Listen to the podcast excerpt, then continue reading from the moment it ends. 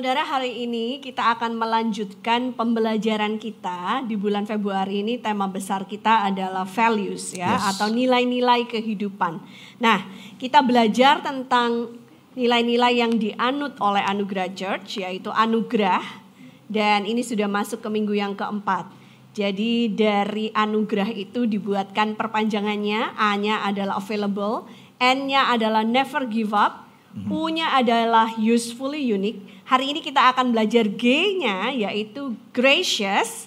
Minggu depan kita akan belajar R-nya reliable, lalu A-nya adalah action oriented dan H adalah humble, oke? Saudara values itu apa? Nah, kalau saudara berpikir tentang yang namanya values atau nilai-nilai kehidupan, itu adalah prinsip kehidupan atau standar perilaku yang akan membentuk cara pandang dan akar suatu budaya.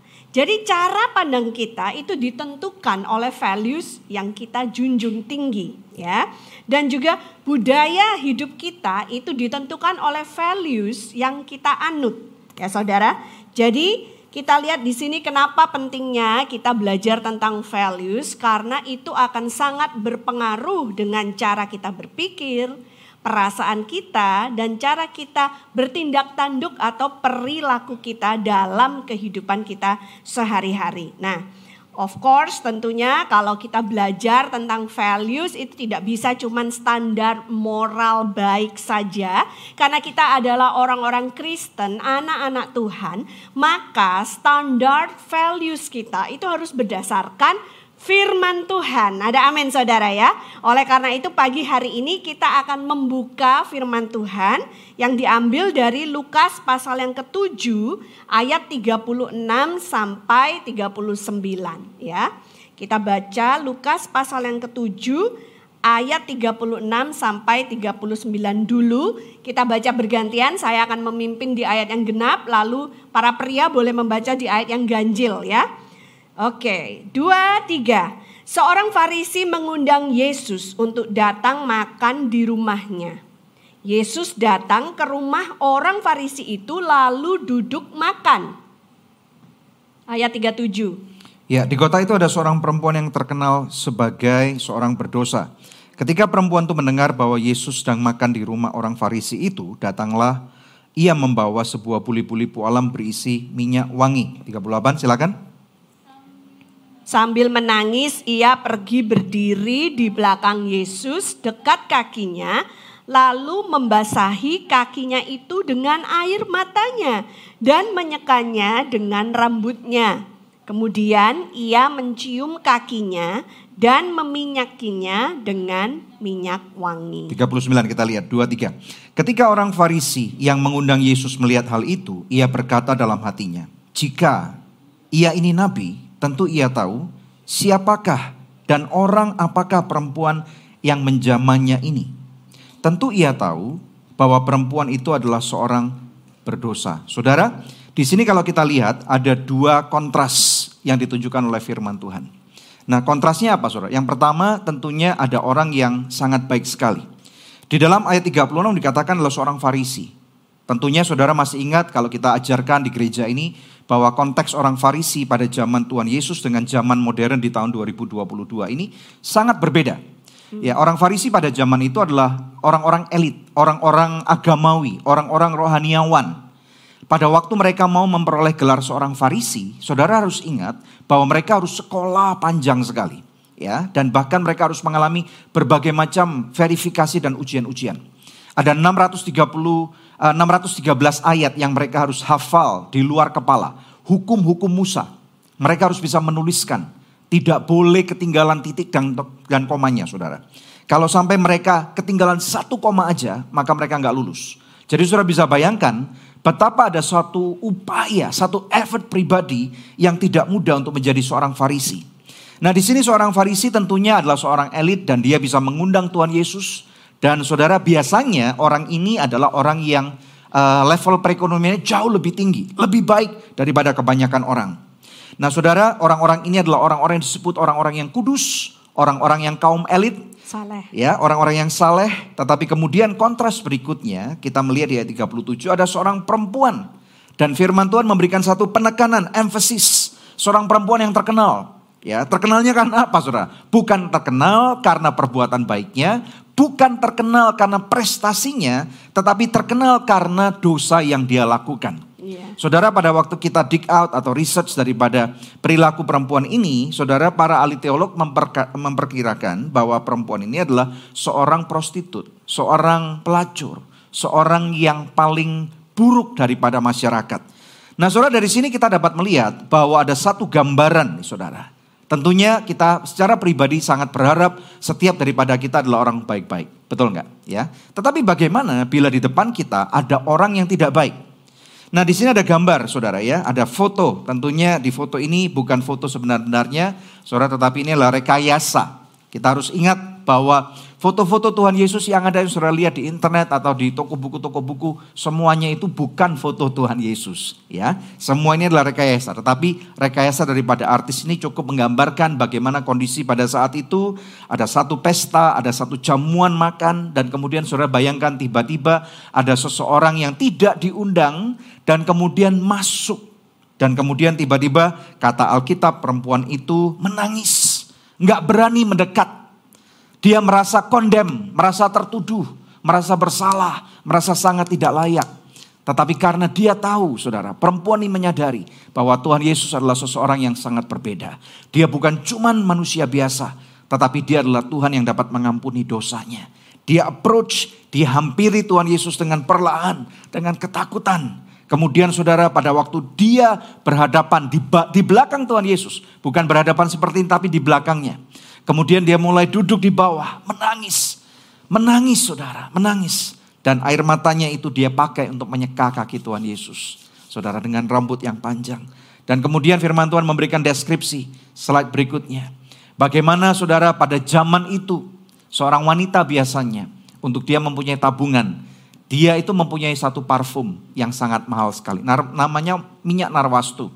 Dan saudara biasanya harganya seharga sekitar satu tahun gaji orang rata-rata. Saudara, can you imagine bagaimana perempuan ini merasa tidak layak. Tetapi pada waktu dia bertemu dengan satu sosok pribadi, Sang Mesias itu yang dapat mengampuni dosanya. Dia sanggup untuk memberikan segala-galanya. Karena dia tahu saudara, bahwa pada waktu dia bertemu dengan Tuhan semesta alam, hidupnya pasti akan berubah. Haleluya. Puji Tuhan. Ya, nah saudara kita akan lanjutkan ya saudara. Jadi gracious itu artinya apa sih ya? Grace itu adalah kasih karunia. Kalau yes. gracious itu adalah sikap hati yang penuh dengan kasih karunia. Kalau melihat orang kita bisa timbul belas kasihan, itu gracious ya. Yeah. Dan kita tidak suka menghakimi orang, tapi kita ingin mengerti orang, kita ingin memahami posisi dia, kenapa dia melakukan itu. Dan kalau ada orang yang bersalah kepada kita, kita juga willing atau bersedia untuk melepaskan pengampunan buat orang itu, untuk barengin orang itu keluar dari dosanya, yeah. melihat hidupnya dipulihkan, itu adalah sikap yang gracious ya. Nah, Saudara kalau kita belajar tentang grace itu sendiri atau kasih karunia ya adalah suatu hadiah besar atau pemberian yang seharusnya tidak layak kita dapatkan. Dan contohnya adalah bagaimana Allah Bapa itu mengirimkan putranya yang tunggal untuk mengampuni dosa kita. Putranya yang tunggal itu di atas ke muka diutus ke atas muka bumi ini bukan untuk mendirikan kerajaan, bukan untuk supaya uh, punya kekayaan atau be, uh, hidup bersenang-senang di dunia ini bukan, tapi tujuannya adalah supaya dia mati di atas kayu salib itu merupakan suatu karya penebusan ya yang mana bisa merekonsiliasikan kita semua ini anak-anak Bapa dengan Bapa ya sehingga kita ini bisa menjadi anak-anak yang dicintai Bapa kembali. Nah, kita itu nggak sanggup membayar karya penebusan Yesus Kristus ini, tapi diberikan dengan cuma-cuma. Itu yang namanya grace. Kita tidak layak mendapatkannya, tapi kita diberi dengan cuma-cuma. Nah saudara, kalau kita belajar tentang perikop ini ya di Lukas pasal yang ketujuh, ini adalah perikop yang sangat menarik. Ada banyak contoh-contoh values gracious di dalam perikop ini. Yang pertama, kita tahu Yesus itu sebenarnya tidak suka dengan perilaku orang-orang Farisi. Seringkali kita melihat di ayat-ayat yang lain bagaimana Yesus marah, menghardik, menegur orang-orang Farisi karena mereka ini agamawi. Mereka kelihatannya saleh tapi sebenarnya hatinya busuk. Nah Tuhan Yesus itu melihat jauh ke dalam hati. Dia tidak melihat penampilan luarnya saja kalau manusia melihat penampilan luarnya. Nah orang-orang Farisi ini senang sekali untuk menunjukkan atribut-atribut keagamaan, keagamaannya, menunjukkan kesalehannya, menunjukkan perbuatan baiknya, tetapi Yesus melihat hati mereka. Nah gracious itu dimulainya dari hati. Coba tepuk dadanya bilang dimulai dari hati. Ada amin saudara? Dimulai dari hati. Ya. Amen. Dan kita secara manusia tidak mungkin bisa gracious dengan sendirinya kalau tidak ada Yesus dalam hati kita. Mm -hmm. Nah Yesus ini memberikan contoh bahwa dia pun mengasihi orang-orang Farisi. Sehingga waktu diundang makan sama orang Farisi ini yang namanya Simon, dia bersedia untuk datang. Sebenarnya ya saudara, coba dipikir, kita ini kan manusia. Kalau kita diundang kondangan sama orang yang tidak kita sukai perbuatan perilakunya yang bikin jengkel, bikin marah tiap kali kita ngelihat dia tuh, uh gitu. Kira-kira kalau kita diundang, kita bakal mau datang nggak? Menghindar. Ayo jujur, hmm. bakal mau datang nggak? Mungkin kita akan bilang maaf ya, aku repot. Aduh sayang sekali pas hari itu aku sudah ada acara yang lain. Aku sudah ada janji sama si A, si B. Aku tidak bisa batalkan. Padahal kita nggak ada acara, kita di rumah padahal. Cuman kita males aja datang ke acara dia. Karena dia tuh selalu bikin jengkel. Nanti kalau kita datang, ada aja yang akan dia bikin suasana jadi gak enak. Nanti dia pasti akan ngomong nyindir-nyindir tentang kita. Males banget gitu loh. Saudara pernah gak berada di posisi itu? Yang pernah coba lambaikan tangannya? Pasti. Yes. Ya. Yang di rumah coba, yang pernah coba ngaku, saya pernah di posisi itu gitu ya. Nah kan akhirnya karena kita tuh udah pengalaman, ya tiap kali ketemu dia diundang gak enak suasananya, akhirnya kita berusaha menghindar dan itu manusiawi. Tapi Tuhan Yesus menunjukkan pada kita bagaimana punya sikap hati yang gracious.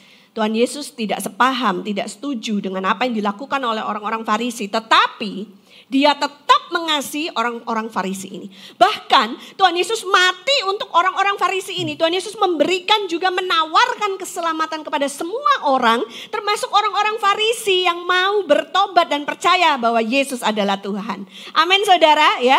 Jadi Tuhan Yesus datang itu saja sudah menunjukkan satu sikap yang gracious bahwa dia tidak membeda-bedakan manusia. Dia mengasihi semua orang. Bagaimana dengan kita?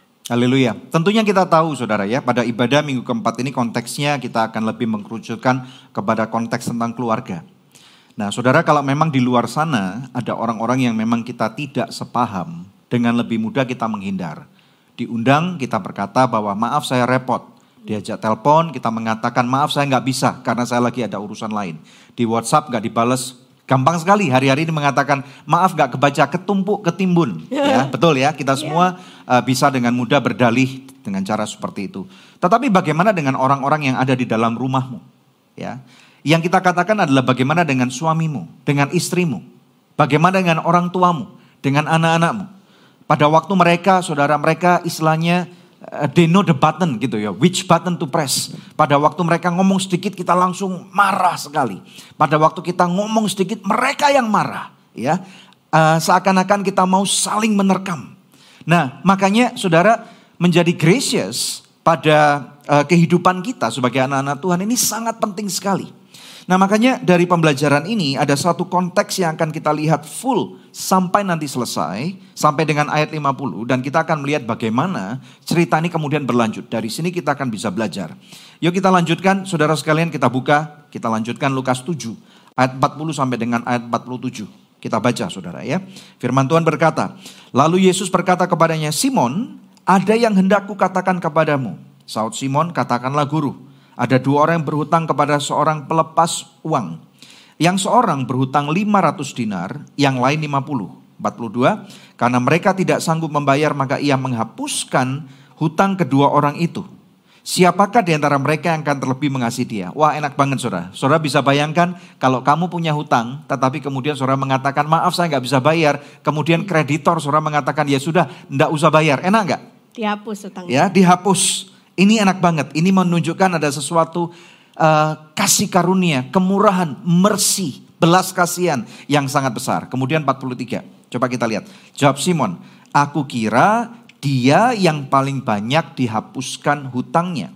Kata Yesus kepadanya, betul pendapatmu itu Simon. Dan sambil berpaling kepada perempuan itu, ia berkata kepada Simon, engkau lihat perempuan ini, ya, perempuan yang berdosa ini maksudnya, aku masuk ke rumahmu, namun engkau tidak memberikan aku air untuk membasuh kakiku. Tetapi dia membasahi kakiku dengan air mata dan menyekannya dengan rambutnya. 45. Engkau tidak mencium aku, tetapi sejak aku masuk, ia tiada henti-hentinya mencium kakiku. Engkau tidak meminyaki kepalaku dengan minyak, tetapi dia meminyaki kakiku dengan minyak wangi. Sebab itu aku berkata kepadamu dosanya yang banyak itu telah diampuni. Sebab ia telah banyak berbuat kasih. Tetapi orang yang sedikit diampuni sedikit juga ia berbuat kasih. Nah, coba kita lihat, kita telah satu persatu. Dia 40 kembali saudara ya. Jadi di sini ada satu kontras tadi yang saya katakan itu. Namun sesuatu yang luar biasa nih ya, sesuatu yang luar biasa. Bagaimana sikap hati Tuhan Yesus itu dipancarkan dari tutur katanya. Dan ini tidak mudah ya. Pada waktu kita mudah berpura-pura dengan orang luar di luar rumah kita, tetapi di lu, di dalam rumah kita kita cenderung sangat susah sekali untuk berpura-pura. Iya. Betul nggak ya? Nah, namun semestinya ada satu kata-kata yang menarik yang harus kita pelajari bahwa ini bukan berpura-pura, tetapi belajarlah untuk berdiplomasi. Saudara, kalau kita mendengar kata-kata diplomasi, maka saudara akan diingatkan ada satu kata yaitu diplomat. Diplomat adalah perwakilan daripada suatu negara diutus ke sebuah negara yang lain untuk mewakili bagaimana sikap daripada negara itu di dalam negara yang diplomat atau konsulat jenderal atau duta besar itu berada. Nah, kita harus ingat nih bahwa kita adalah anak-anak Tuhan. Makanya bagaimana caranya supaya kita bisa mahir berdiplomasi, baik di luar rumah ataupun di dalam rumah, makanya kita harus belajar. Kita lihat sikap Tuhan Yesus ini. Dia tidak langsung saudara mengatakan, kamu Simon, kamu tidak tahu diuntung. Kamu memang kurang ajar, kamu jangan lupa. Kamu dulu pernah berjudi, kamu pernah nonton pornografi, kamu pernah ini, kamu pernah itu. Kan gampang saudara. Betul ya? Langsung Tuhan Yesus menghujani dengan condemnation, dengan tuduhan demi tuduhan. Dan itu akan membuat Simon menjadi merasa sangat kecil dan tidak berarti. Tetapi yang justru Tuhan Yesus pilih untuk lakukan adalah dia memilih untuk menceritakan sebuah parable, sebuah perbandingan yang sangat mudah untuk dimengerti tanpa adanya kemarahan.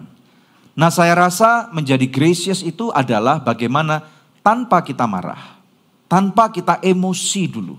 Kita mencoba untuk mendengarkan, memahami dari sepatu orang itu, dari point of view orang itu, kenapa dia terjebak dalam kasus ini.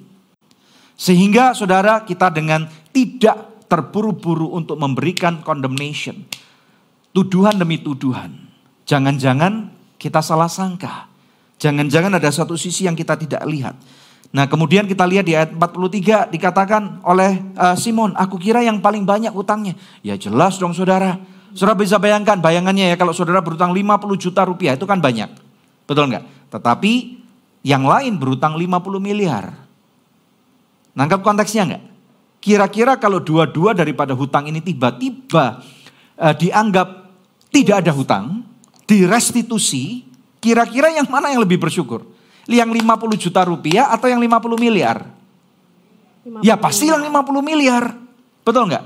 Pasti yang 50 miliar berkata, oh puji Tuhan. Jangan sampai yang 50 juta berkata, tahu gitu gua juga utang 50 miliar. Betul enggak? Nah ini yang dimaksudkan. Makanya saudara pada waktu kita melihat ini ada satu lagi tentang budaya nih saudara. Engkau lihat perempuan ini, di aku masuk ke rumahmu, engkau nggak kasih aku air untuk masuk kaki. Pada zaman itu uh, tidak ada jalanan seperti kita hari ini. Tidak ada uh, taksi atau ojek online, tidak ada busway, tidak ada mobil, saudara. Mereka semua harus berjalan kaki dengan jalan yang begitu kotor. Dan ini ada di Timur Tengah, saudara. Padang pasir, saudara ya. Dan kemudian tentunya kakinya sangat kotor. Mungkin ada becek, mungkin aja sempat hujan. Nah sehingga pada waktu mau masuk ke rumah seseorang, culturally speaking, secara budaya biasanya tuan rumah akan nyuruh, ayo tolong uh, dibasuh dulu kakinya supaya rumah saya nggak kotor. Nah ini Simon tidak melakukan hal itu. Nah pada waktu bertemu dengan orang-orang di Timur Tengah biasanya budaya mereka kalau ketemu langsung gini saudara. Cipika, cipiki, cipika, cipiki. saudara ya. Nah itu pun dia tidak lakukan. Tetapi Tuhan Yesus berkata lihat perempuan ini. Perempuan ini menangis dan memakai air matanya untuk membasuh kakiku. Dan tidak henti-hentinya menciumi kakiku. Saudara, di sini kita harus tahu bahwa sering kali kita lupa bahwa orang yang bersalah itu mereka sebenarnya sudah tahu kalau mereka salah. Betul nggak? Tentunya saudara yang harus kita lakukan mencoba untuk berdiplomasi. Mencoba untuk berempati. Sehingga apa Bapak Ibu sekalian? Tidak seharusnya kita menjadi anak-anak Tuhan harus merasa gua paling benar. Ya. Yeah. Jauhkan dari hati saudara yang mengatakan lu orang pasti salah. Jauhkan dari perasaan saudara bahwa kamu ini memang tidak ada harapan. Ingat Bapak Ibu sekalian, ada 99 domba yang baik yang kemudian ditaruh dan ditinggalkan oleh gembala itu. Dan kemudian secara gusar sang gembala ini pergi untuk mencari satu domba yang terhilang. Mungkinkah saudara dan saya dulu adalah domba yang terhilang itu? Sehingga sekarang kalau kita sudah menjadi bagian daripada the 99, menjadi bagian daripada 99 domba yang hilang itu, maka kita atau misalnya yang sudah diselamatkan itu, kalau ada domba yang terhilang, domba yang masih tersesat, orang yang perlu diberikan kesempatan yang kedua, maka kita tidak boleh selalu merasa lu orang gak ada obatnya. Atau bahkan kita merasa bahwa kita eksklusif saja, satu golongan. Kalau berpendidikannya tidak gelarnya S5 atau S6. Saudara, maka kita nggak mau berteman dengan orang-orang itu. Kalau mobilnya nggak tipe-tipe mobil seperti ini, aku nggak bisa berteman dengan mereka. Kalau jabatannya tidak tidak seperti ini, aku nggak bisa seperti itu. Saudara kita nggak bisa satu golongan. Kalau kalau nggak dengan etnisku sendiri, aku nggak mau berteman. Buat apa? Nggak bisa saudara. Kita semua di mata Tuhan sama. Tidak ada orang yang lebih kaya, tidak ada orang yang lebih bodoh, tidak ada orang yang lebih miskin. Tetapi yang Tuhan cari adalah hati yang mau benar-benar berserah kepada Tuhan. Atau kita sendiri lupa bagaimana kita dulunya diampuni. Yang percaya katakan amin. Haleluya. Berikan kemuliaan yang paling meriah buat Tuhan Yesus Kristus. Haleluya. Lebih meriah lagi saudara. Puji Tuhan. Ya, jadi saudara kalau di zaman Yesus dulu itu secara kultur budaya kalau ada tamu yang datang ke rumah kita harus disiapkan air untuk membasuh yeah. kakinya. Nah kalau zaman sekarang itu karena dengan protokol kesehatan kalau ada orang datang ke rumah kita harus disediakan air dan sabun untuk cuci tangan kira-kira gitu loh Sama saudara ya atau disemprot sanitizer dulu dari hmm. atas sampai bawah ya saudara ya supaya tidak membawa uh, virus masuk ke rumah kita. Nah saudara tapi dari perikop ini ya kita tuh bisa belajar banyak sekali tentang sikap hati gracious ya. Kenapa tadi orang Farisi ini responnya beda sekali dengan uh, wanita yang berdosa itu, ya kan? Dia tidak orang Farisi ini tidak benar-benar menghargai. Sepertinya itu tidak benar-benar menghargai Tuhan Yesus tamunya yang sedang datang ke rumahnya ya dianggap seperti tamu biasa bukan tamu agung. Karena kalau tamu agung kita pasti akan menyediakan semua yang terbaik buat tamu kita. Benar apa enggak saudara ya? Nggak mungkin uh, sambutannya itu biasa-biasa saja gitu ya. Nah tapi kalau kita lihat saudara kenapa orang Farisi ini bisa tidak terlalu menghargai Yesus yang datang sebagai tamu ke rumahnya karena dia merasa nggak berdosa.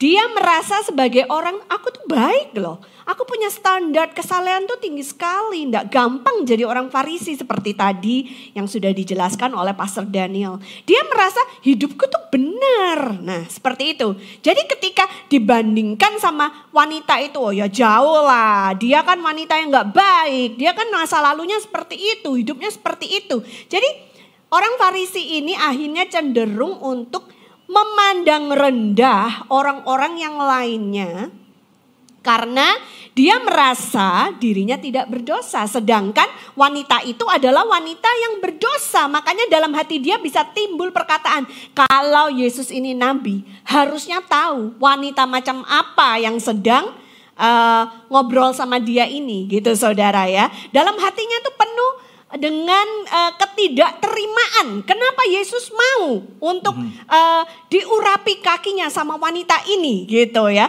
Nah, kenapa hatinya bisa penuh dengan ketidakterimaan seperti itu? Karena dia merasa tidak berdosa.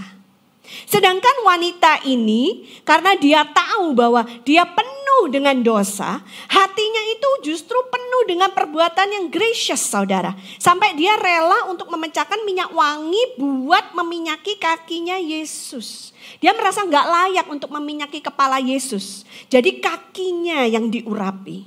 Ya saudara. Nah nanti kita akan belajar lebih lanjut. Tapi saudara intinya adalah seperti ini.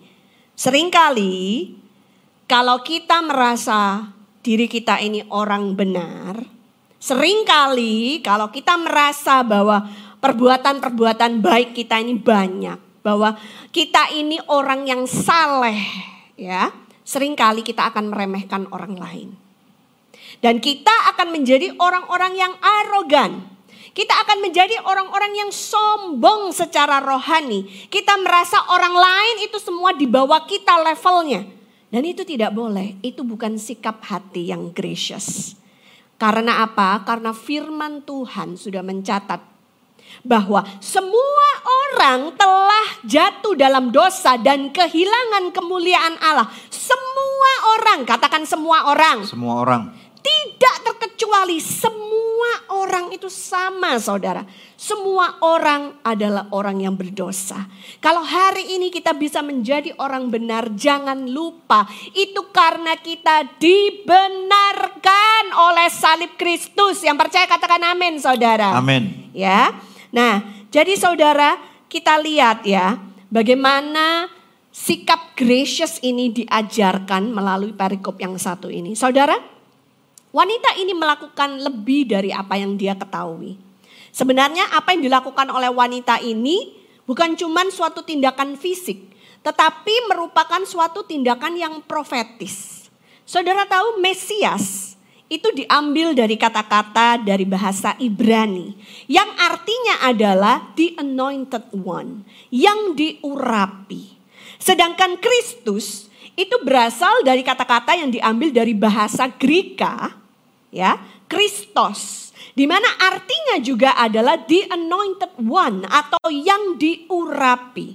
Jadi saudara, kita lihat bahwa ada uh, kesamaan cerita yang direkod di dalam kitab Injil kalau dalam Matius dan Markus ya, mereka mencatat satu wanita yang memecahkan uh, buli-buli minyak narwastunya yang mana kemudian mereka mengurapi kepala Yesus dengan minyak narwastu tersebut. Nah, itu kemungkinan besar dipelajari uh, oleh ahli-ahli teolog bahwa kitab Matius dan Markus itu mencatat satu wanita yang sama.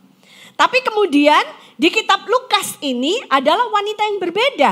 Dia mengurapi kaki Yesus dengan minyak wangi. Ya, nanti kalau saudara baca di kitab Yohanes itu juga ada lagi uh, satu wanita yang lain. Ini uh, kakaknya Lazarus yang bernama Maria dari Betani ya. Bagaimana dia juga mengurapi kaki Yesus dengan minyak yang mahal harganya. Jadi at least ada tiga wanita yang dicatat di dalam Alkitab yang meminyaki kepala atau kaki Yesus dengan minyak wangi. Nah sebenarnya wanita-wanita ini sedang ketika mengurapi kepalanya Yesus berarti sedang memproklamasikan bahwa Yesus itu adalah raja. Karena raja-raja zaman dulu itu kepalanya selalu diurapi dengan minyak, tapi ini minyak wangi lebih spesial lagi Saudara ya. Nah, kalau misalnya ada yang bertanya kenapa kaki ya Bu? Ya salah satu alasannya tadi karena wanita ini tidak merasa layak untuk mengurapi kepala Yesus, untuk pegang-pegang kepala Yesus, makanya dia mengurapi kaki. Nah, kalau kita lihat Esensi kaki itu apa di dalam firman Tuhan? Ya, kalau kita belajar tentang uh, perlengkapan senjata Allah, maka kita akan tahu bahwa ada satu perlengkapan yang namanya kasut. Itu sepatu lah, sandal gitu saudara yang dipakai di kaki kita. Kenapa kasut? Kasut untuk kerelaan memberitakan Injil, kerelaan memberitakan kabar baik.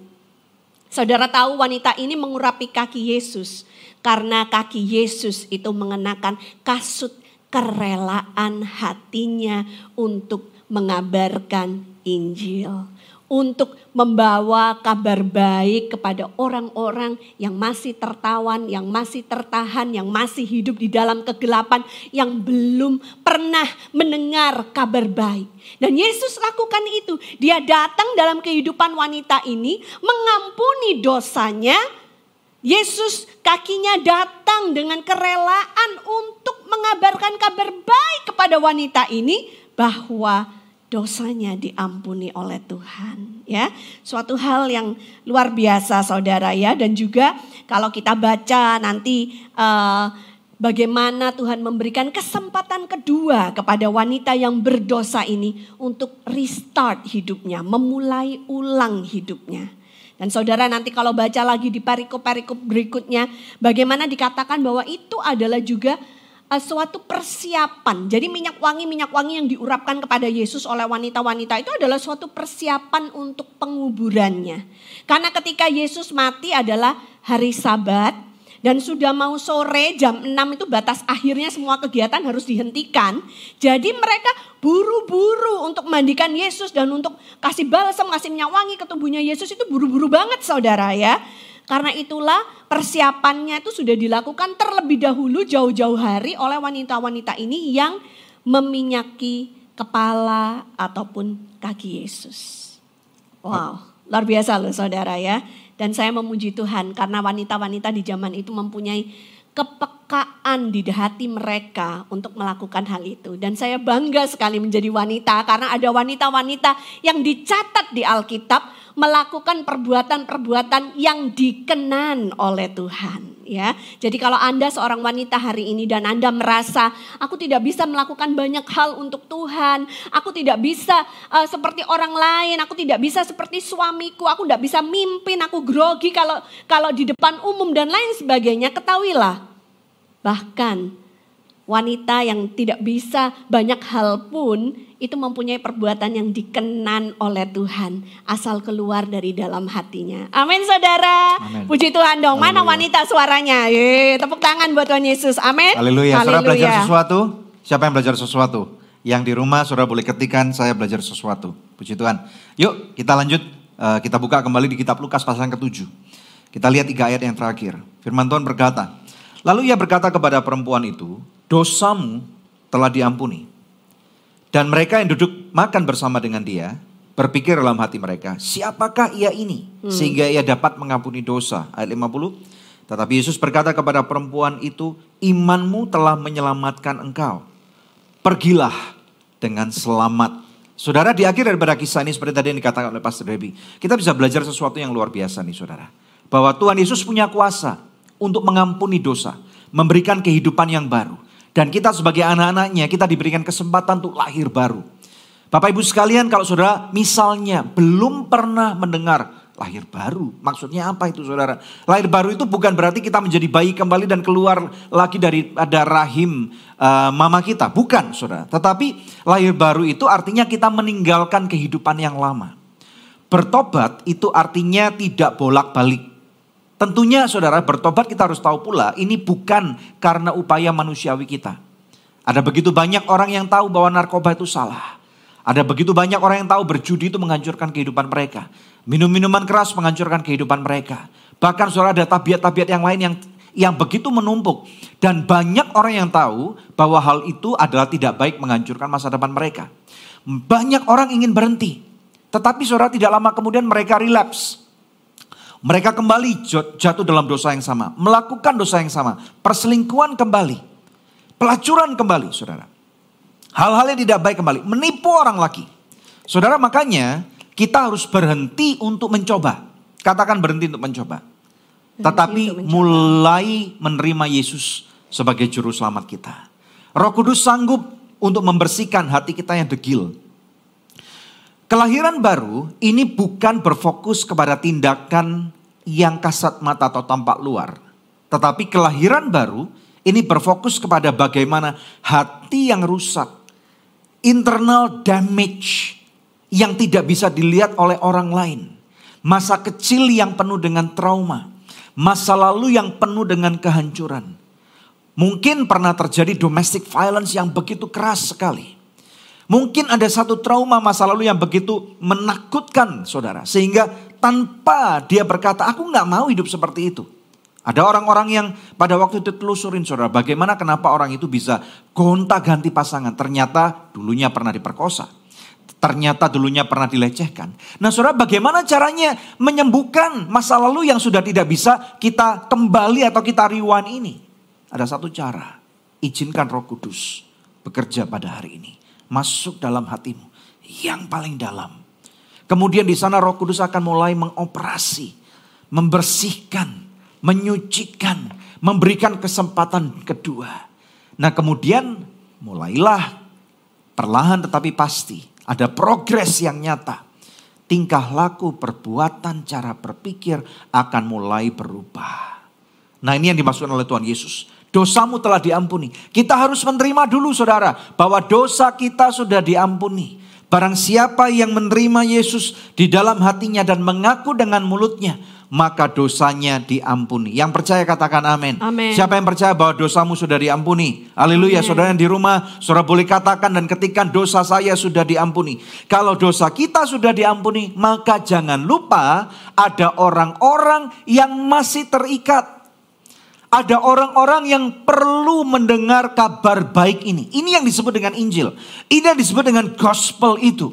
Bahwa kesembuhan atau pelepasan atau pengampunan ini bukan karena upaya manusiawi saja. Yeah.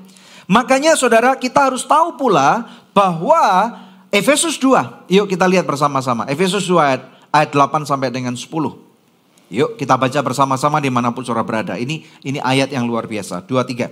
Sebab karena kasih karunia kamu diselamatkan oleh iman. Itu bukan hasil usahamu tetapi pemberian Allah. Itu bukan hasil pekerjaanmu. Jangan ada orang yang memegahkan diri. Ayat 10, 23. Karena, Karena kita, kita ini buatan Allah, Allah diciptakan dalam Kristus Yesus untuk melakukan pekerjaan baik yang dipersiapkan Allah sebelumnya ia mau supaya kita hidup di dalamnya. Hidupi saudara, hidupi keselamatanmu. Hidupi kasih karunia Tuhan yang besar. Dan saudara kita nggak bisa untuk berkata nanti aku takut loh. Aku jatuh lagi dalam dosa, aku jatuh lagi dalam dosa. Ada orang yang berkata kamu jangan bicara terlalu banyak tentang kasih karunia. Nanti orang-orang akan menggunakan kasih karunia untuk sebagai alat untuk berdosa. Saudara kita nggak bisa seperti itu.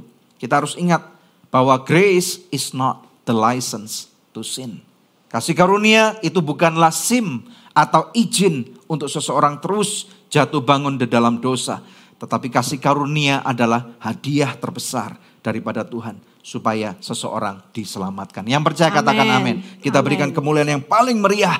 Hadiah terbesar daripada Tuhan untuk manusia, saudara dan saya. Haleluya. Jadi saudara kalau kita sudah mengerti ayat tadi yang kita baca Efesus 2 8 sampai 10 bahwa keselamatan itu adalah karena kasih karunia yes. bukan karena hasil usaha kita tapi karena pemberian Allah tidak ada alasan untuk kita itu menyombongkan diri saudara.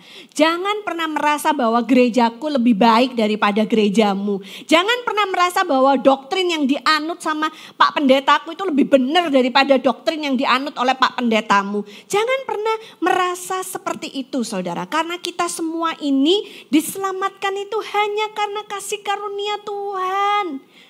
Ada amin saudara? Yes? Bukan karena doktrin-doktrin yang kita percaya, tapi karena karya penebusan yang ada, yang sudah dilakukan oleh Yesus di atas kayu salib. Ada orang yang suka untuk mendebatkan doktrin. Tahukah saudara bahwa doktrin itu adalah buatan manusia? Ya, jadi apa yang di Alkitab itu dirumus-rumuskan menjadi doktrin, tapi sering kali doktrin yang seharusnya membangun kehidupan kita sebagai orang percaya, membangun gereja kita kita untuk menjadi gereja yang sehat sering kali dipakai sebagai alat untuk berantem antar gereja, antar hamba Tuhan. Berdebat boleh, tapi kalau memang sudah beda pemahaman, seharusnya kita bisa jabat tangan. Kita beda pendapat, Boleh, tapi aku menghargai pendapatmu dan kamu menghargai pendapatku dan kita tetap saudara-saudari di dalam Kristus. Kita tetap adalah saudara-saudari seiman yang percaya katakan amin, saudara. Kalau kita tidak mempunyai sikap hati yang gracious seperti itu, mudah sekali untuk dipecah belah. Mudah sekali untuk diadu domba. Makanya kenapa zaman dulu ya penjajahan Belanda itu berhasil untuk menjajah Indonesia karena slogan mereka Divide et Impera. Diadu domba, dipecah belah, setelah itu jajalah. Bagaimana dengan keluargamu hari ini? Apakah engkau sudah bersatu di dalam unity? Atau engkau sedang terpecah belah? Atau engkau sedang diadu domba oleh si iblis, si jahat dengan semua teknik-teknik dia? Apakah perbedaan-perbedaan pendapat yang terjadi di dalam keluargamu hari ini membuat suami istri tidak akur lagi? Membuat orang tua anak berantem terus kalau ketemu? Membuat menantu mertua tidak bisa akur? Antar saudara berantem karena apa? Karena cara pandangnya beda. Saya harap hari ini kita mulai belajar bagaimana bisa saling menghargai meskipun kita berbeda pendapat. Karena di Indonesia aja menganut apa itu? Bineka Tunggal Ika. Bineka Tunggal Ika. Berbeda-beda tetapi tetap satu juga. Ya. Mungkin kau tidak sependapat dengan kakakmu, tidak sependapat dengan adikmu, tapi kita tetap satu keluarga, tetap satu marga. Jangan sampai kakak adik putus hubungan gara-gara beda pendapat. Yang tepuk tangan itu iblis, yang bersukaria itu iblis. Seneng banget dia memecah belah keluarga kita. Ada amin saudara.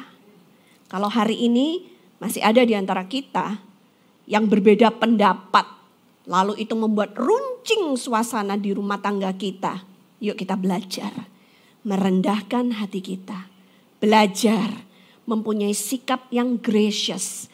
Belajar untuk mengerti cara pandang orang ini. Belajar kalau istilah bahasa Inggrisnya itu to put yourself on his shoes. Coba pakai sepatu dia atau pakai kacamata dia. Kenapa dia bisa berpikir seperti itu? Kenapa cara pandangnya beda sekali dengan cara pandangku? Berusaha untuk mengerti dia dengan empati.